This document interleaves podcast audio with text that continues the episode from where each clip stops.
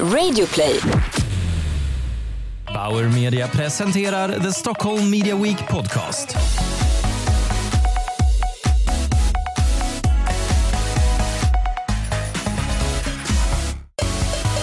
Hej och välkommen till Stockholm Media Weeks podcast som produceras tillsammans med Bauer Media. Jag heter eh, Fredrik Eriksson, är VD på mediebyrån OMD och i den här podden låter vi dig inspireras av några av Stockholm Media Weeks talare och besökare. Just nu sitter jag bara med i studio och framför mig har jag ingen mindre än Jakob Lovén som är Head of Innovation på oss hos OMD. Men han är också grundare och del av den framgångsrika podden Digitala Draken. Välkommen Jakob! Tusen tack, tusen tack. Hur mår du? Jo men bara bra. Um, vi har precis kört en, uh, en keynote här på, på en, en jäktad keynote på Stockholm Media Week. En jäktad keynote. Fick ni, fick ni plats att säga allting som ni ville säga? Aldrig, det får vi aldrig. det finns mycket att säga om ditt favoritämne, har jag ja, förstått. Ja. Ja. Eh, Du är inte bara talare här och keynote speaker utan du har ju faktiskt också varit en del av redaktionsrådet på Stockholm Media Week. Ja. Eh, vad, vad tycker du om innehållet och, om, i årets upplaga av Stockholm Media Week? Jag, jag tycker att det är on point. Nu är jag väldigt... Lite biased. Ja, men såklart är det. Uh, men, men jag är väldigt så här, techig i, uh, och jag tycker att, att det, är, det har fyllt en, stor del av schemat hittills. Och det har gjort att, att ja, jag personligen har funnit mycket värde i det. Um, för det tror jag är en av de största utmaningarna för oss som bransch är att så här, vara längst fram när det kommer till just tekniken. Det är vi inte idag menar du? Nej, men inte, inte det stora. Vi är ganska duktiga på att anamma teknik när det kommer till eh, alltså, vår egen bransch vi är ganska introverta. Säga, vårt egna ekosystem, vår egen värdekedja. Men eh, desto sämre på att följa faktiskt att se användaren. Ett bra exempel nu är att vi precis har sett eh, Musical.ly, eh, Sveriges största Musical.ly-stjärnor, eh, berätta om någonting som 90% i publiken inte hade en aning om. Just det. Då lär vi oss att bli förhoppningsvis bättre då. Ja, det positivt. Vi pratar om gårdagen istället. Vad tyckte du var mest intressant att lyssna på igår? Eh, eftermiddagen tycker jag var, var helt suverän. Även förmiddagen när man pratar om kultur och hur viktigt det är att vi som bransch börjar attrahera alltså, talang på riktigt. Jag menar, man kan ju fråga sig vilken typ av humankapital som vi behöver i framtiden. Är det fortsatt människor som är briljanta administratörer eller behöver vi bli bättre på att attrahera kreatörerna eller är det datamänniskorna eller är det techpersonerna? Den diskussionen tycker jag var riktigt, riktigt värdefull igår och, och Eh, kultur är ju så sjukt svårt för det är så långsiktigt att det är lätt att bortprioritera hela tiden. Ja, just det. Men om man tittar de områdena som du nämner där. ehm, vilken, vilken typ av kompetens tycker du är viktigast? Eller tycker du vi behöver ta in mera i vår bransch för att vi ska vara framgångsrika långsiktigt? Eh, jag, jag tror just nu så behöver människor ska förstå helhetsbilden och det låter så sjukt tråkigt. Eh, Ja, det låter lite tråkigt ja, det låter lite, lite mellanmjölkigt. Men, men jag skulle nog säga att nej, det är en av de viktigaste grejerna just nu. Det är att kunna se någon form av, få någon, nu hatar jag det här ordet också, en holistisk bild av liksom marknadsföring och kommunikation som inte alla har idag. Eh, att vi inte ska sitta i silos och säga nu sitter jag och optimerar print här borta och sitter någon och optimerar nästa mediekanal och sen nästa mediekanal och sen sitter ett media och, och säljer jättebra på att berätta vad deras media gör men kan inte förstå hur det, vilken roll det spelar i helheten. Liksom. Så det, det gäller inte bara för en mediebyrå, det gäller för, för alla som, som opererar på den här marknaden. Och gör man inte det så tror jag att man är på riktigt ute ganska snart. Ja. Eh, och vad är gyllene i det där när man ska hitta liksom en stark eh, kollaborativ, eh, kollaborativa team någonstans? Kulturen blir ju viktig där såklart. Mm. Vad, vad ska man göra för att skapa en bra kultur, tycker du? Det togs också upp igår och jag är på något sätt inte någon expert på det här men jag tycker det var väldigt intressant att man pratar om hur, hur, hur viktigt nyfikenhet blir.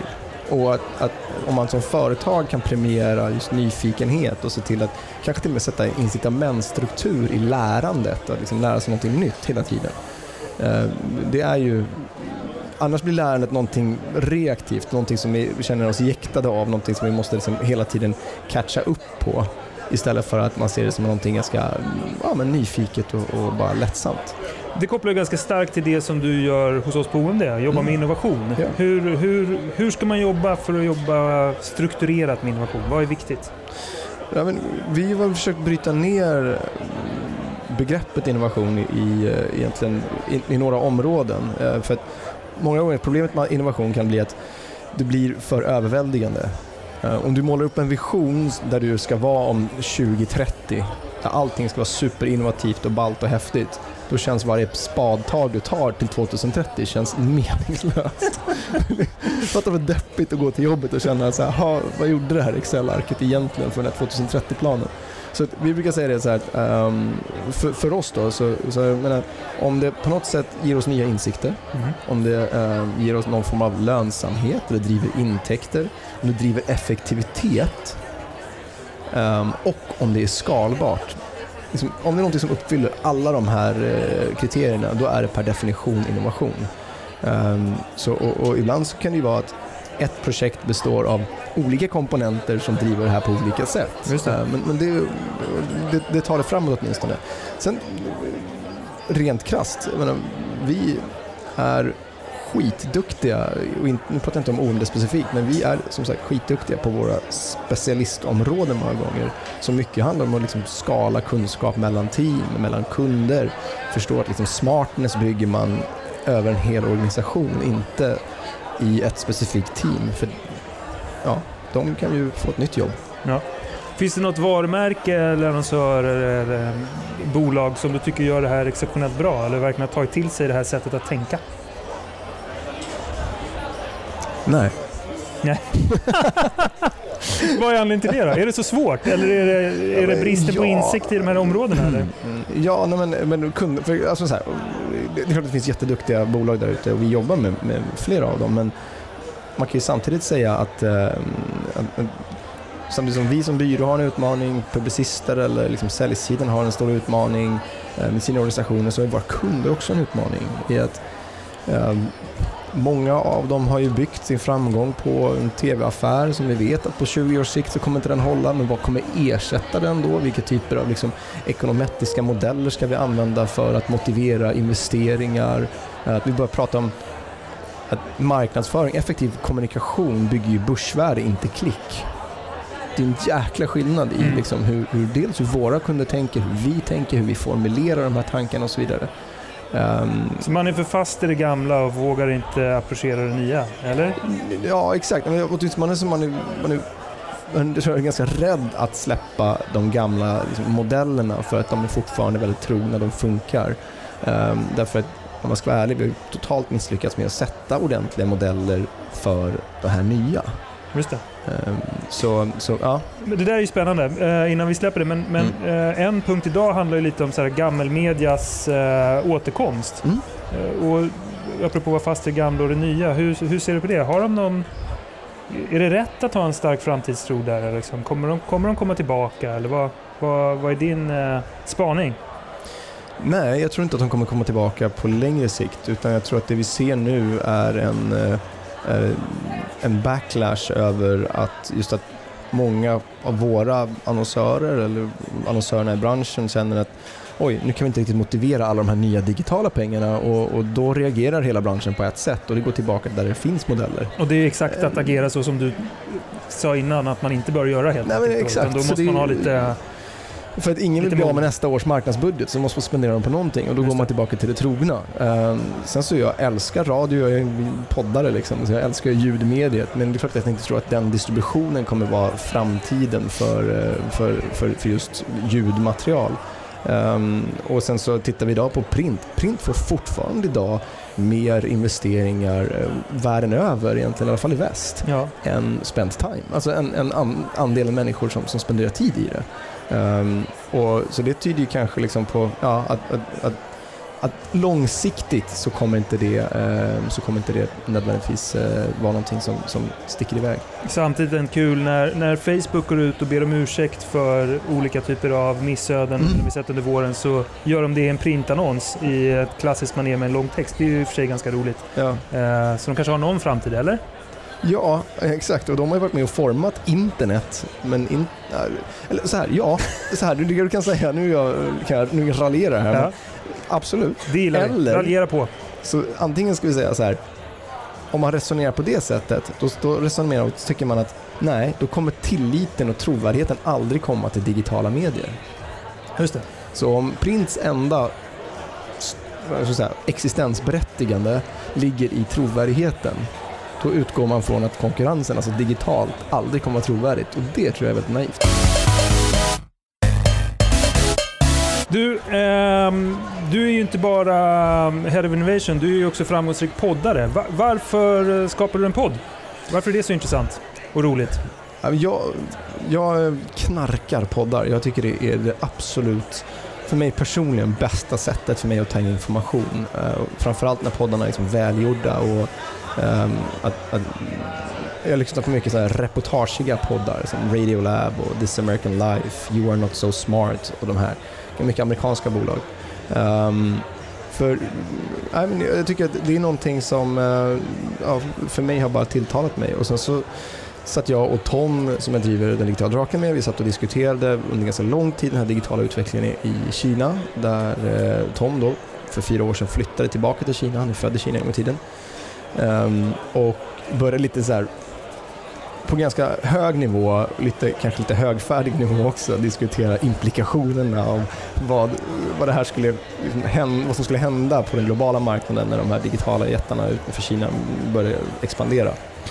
Och då fastnade vi liksom hela tiden i en, i, eh, i en diskussion och det var att det här, det här kommer bara ske en gång. Vi kommer aldrig se ett sånt här stort land eh, med så här många människor och så här starka bolag göra den här resan igen. Under vår livstid så är det ganska liten chans. Mm. Alltså, eh, Indien kommer göra sin grej, men det kommer ta lång tid, det kommer aldrig gå så snabbt för de är en demokrati och det är inte Kina och liksom man kan styra med järnhanden på något sätt.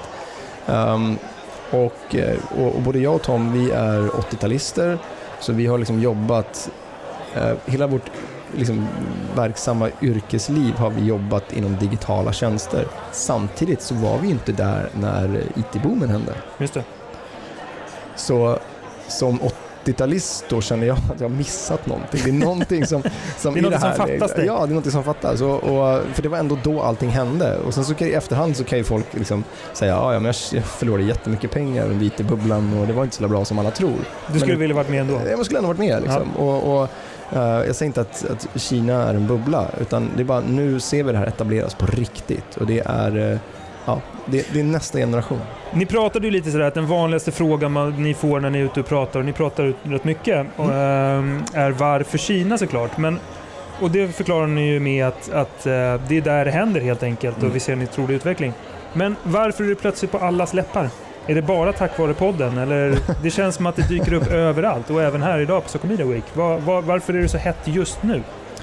Ja, ja, jag tror det finns en timingfråga också det här att, att människor har börjat intressera sig för det. Det är att det börjar dyka upp mer information om det. Eh, Tidigare så har det varit en black box och sen så kan ju digitala draken vara en del av den informationen. Mm. Och sen så har vi alltså, även andra svenska liksom, eh, journalistiska eh, tidskrifter har ju varit mycket bättre på att skriva om det här på ett helt annat sätt. Det gamla sättet vi, vi porträtterade Kina var ju väldigt mycket kring eh, de politiska frågorna, vilket fortfarande är viktigt och det ska man liksom fortfar- fortfarande liksom gräva i. Men, men eh, då utgick man från att det inte finns något annat spännande. Ehm, så jag tror mycket, mycket en timingfråga. Ehm, Alibaba och Tencent, de här största aktörerna också, eh, har också haft en helt annan närvaro. De, Alibaba har försökt göra några högprofilinvesteringar inom eh, fintech. Ehm, de har börjat köpa in sig på bolag i både Europa men i Asien. Eh, Tencent är världens största gaming publisher numera så de äger största andelarna i Activision Blizzard, de äger eh, hela Supercell, de äger League of Legends. Ehm, så ja, det, det känns som att det liksom börjar pyra ut, pysa ut på flera fronter information som gör att folk säger oj, men herregud, vi måste, någonting måste Ta det här på allvar och, Och, det, har vi, alltså, och det har ju varit en bra timingfråga kanske för oss för att vi har ju velat prata om det här på ett mycket mer inspirerande sätt än människor normalt kanske approcherar Kina. Eh, alltså prata mycket mer om digitala beteenden, digitala bolag, extrem digital konkurrens, sådana saker som är så superspännande för det kan vi faktiskt använda vidare. Mm. Och, och ett ytterligare tecken på att faktiskt intresset ökar är att när vi lanserade podden eh, för två år sedan så hade vi 300 lyssnare ungefär första månaden. Eh, Vi tänkte, oh ja, okej, det var ungefär det då. Ja, Eh, Och då har vi nästan 25 000 lyssnare per avsnitt. Ehm, Och vi får förfrågningar på att göra föreläsningar för olika typer av företag eller sådana här typer av tillställningar som vi kör idag. Ungefär två i veckan. Mm. där vi pratar om liksom globalisering, vad Kina har för roll just inom det digitala, vad vi kan lära oss om användarbeteenden, av hur de här bolagen har liksom lyckats ta marknadsandelar och konkurrera med varandra, det framtida ekosystemet. Men, det, ja. men apropå det då, vad, vad, kanske den näst vanligaste frågan ni får, vad, vad kan vi lära oss då? Ja, det, det är faktiskt troligtvis den näst, eh, det är kanske den tredje vanligaste frågan. Okej. Um, men, men, eh, jo, men vi kan lära oss otroligt mycket tack vare att um, vi brukar säga att anledningen till att Kina är intressant är inte nödvändigtvis att det heter Kina, att man kan ta bort ordet Kina ur ekvationen, utan Eh, kvar står världens största internetpopulation, så det är en miljard människor som är online. De har ett online-beteende som ligger 5-10 år före vårt, tack vare att de inte har massa legacy-problem som vi har här i väst med ja, men kreditkort, bankernas oligopol, eh, vi har teknologi som är liksom superföråldrad, eh, som är etablerad redan. Vi har stora offline-aktörer inom handel och retail som är superetablerade som dikterar villkoren. Det hade man inte i Kina. Därför kunde man liksom hoppa upp till nästa steg och därför blir online-valet det, det primära. Ehm, och sen så kan man väl säga att den tredje stora anledningen då, som vi har pratat här också om idag, det är att ehm, det är världens näst största venture capital-marknad. Just det. Eh, och, och det gör ju väldigt mycket där kapitalet nu börjar flöda. Som där, driver på där, det driver innovation och så vidare. Ehm, Jag hade ju förmånen att tillsammans med dig få eh, vara med på en resa till Shanghai, vilket var otroligt spännande att möta många av de här företagen. Eh, Och man har ju tagit med sig lite blandade känslor. En sån känsla som jag fick med mig, eh, som var ganska påtaglig, det var ju att man man stod på, på perrongen och, och tåget hade redan gått. Och då menar jag inte något vanligt X2000 eller liksom landsortståg. Här pratar vi liksom Asian style 500 knycktåg som är... Det är fan gone liksom. eh, är det läge att kasta in handduken här i väst? Eller hur fan, vad ska vi göra? Nej, och, jättebra fråga och det, det är nog den näst vanligaste frågan vi Ja. får. Det är vad kan vi Han har göra? prickat Vi- in topp tre. Ja, Det- det, är bra. skitbra. Det är fantastiskt. Nej, men det är ju att, att ja, alltså, det vi i Sverige, vi har alltid haft en oproportionerligt framgångsrik eh, digital sektor. Så är det ju. Ehm, om du tittar på företagen som vi har lyckats skapa genom åren, alltså Skype, Mojang, Candy Crush, Spotify inte minst, eh, de har en oproportionerligt stor roll i världen mot hur många vi är i Sverige. Och det, det, vår teori, i alla fall min och Toms, och, och när vi driver Digital Draken, är att det finns en anledning till det här. Och det är att Sverige har alltid varit väldigt nyfikna på omvärlden och låtit sig förstått vikten av att inspireras av utvecklingen i Silicon Valley och så vidare. Så att vi säger väl det att nej, vi ska absolut inte lägga, ner oss, lägga oss ner och dö. Det vi ska göra är såklart att vi ska fortsätta vara precis sådär öppna och precis sådär nyfikna och låta oss inspireras. Ehm, det enda skillnaden nu är att vi måste liksom inte bara titta på Silicon Valley för att förstå innovation och framtida beteenden och även framtida företagsageranden så behöver vi även titta på Kina.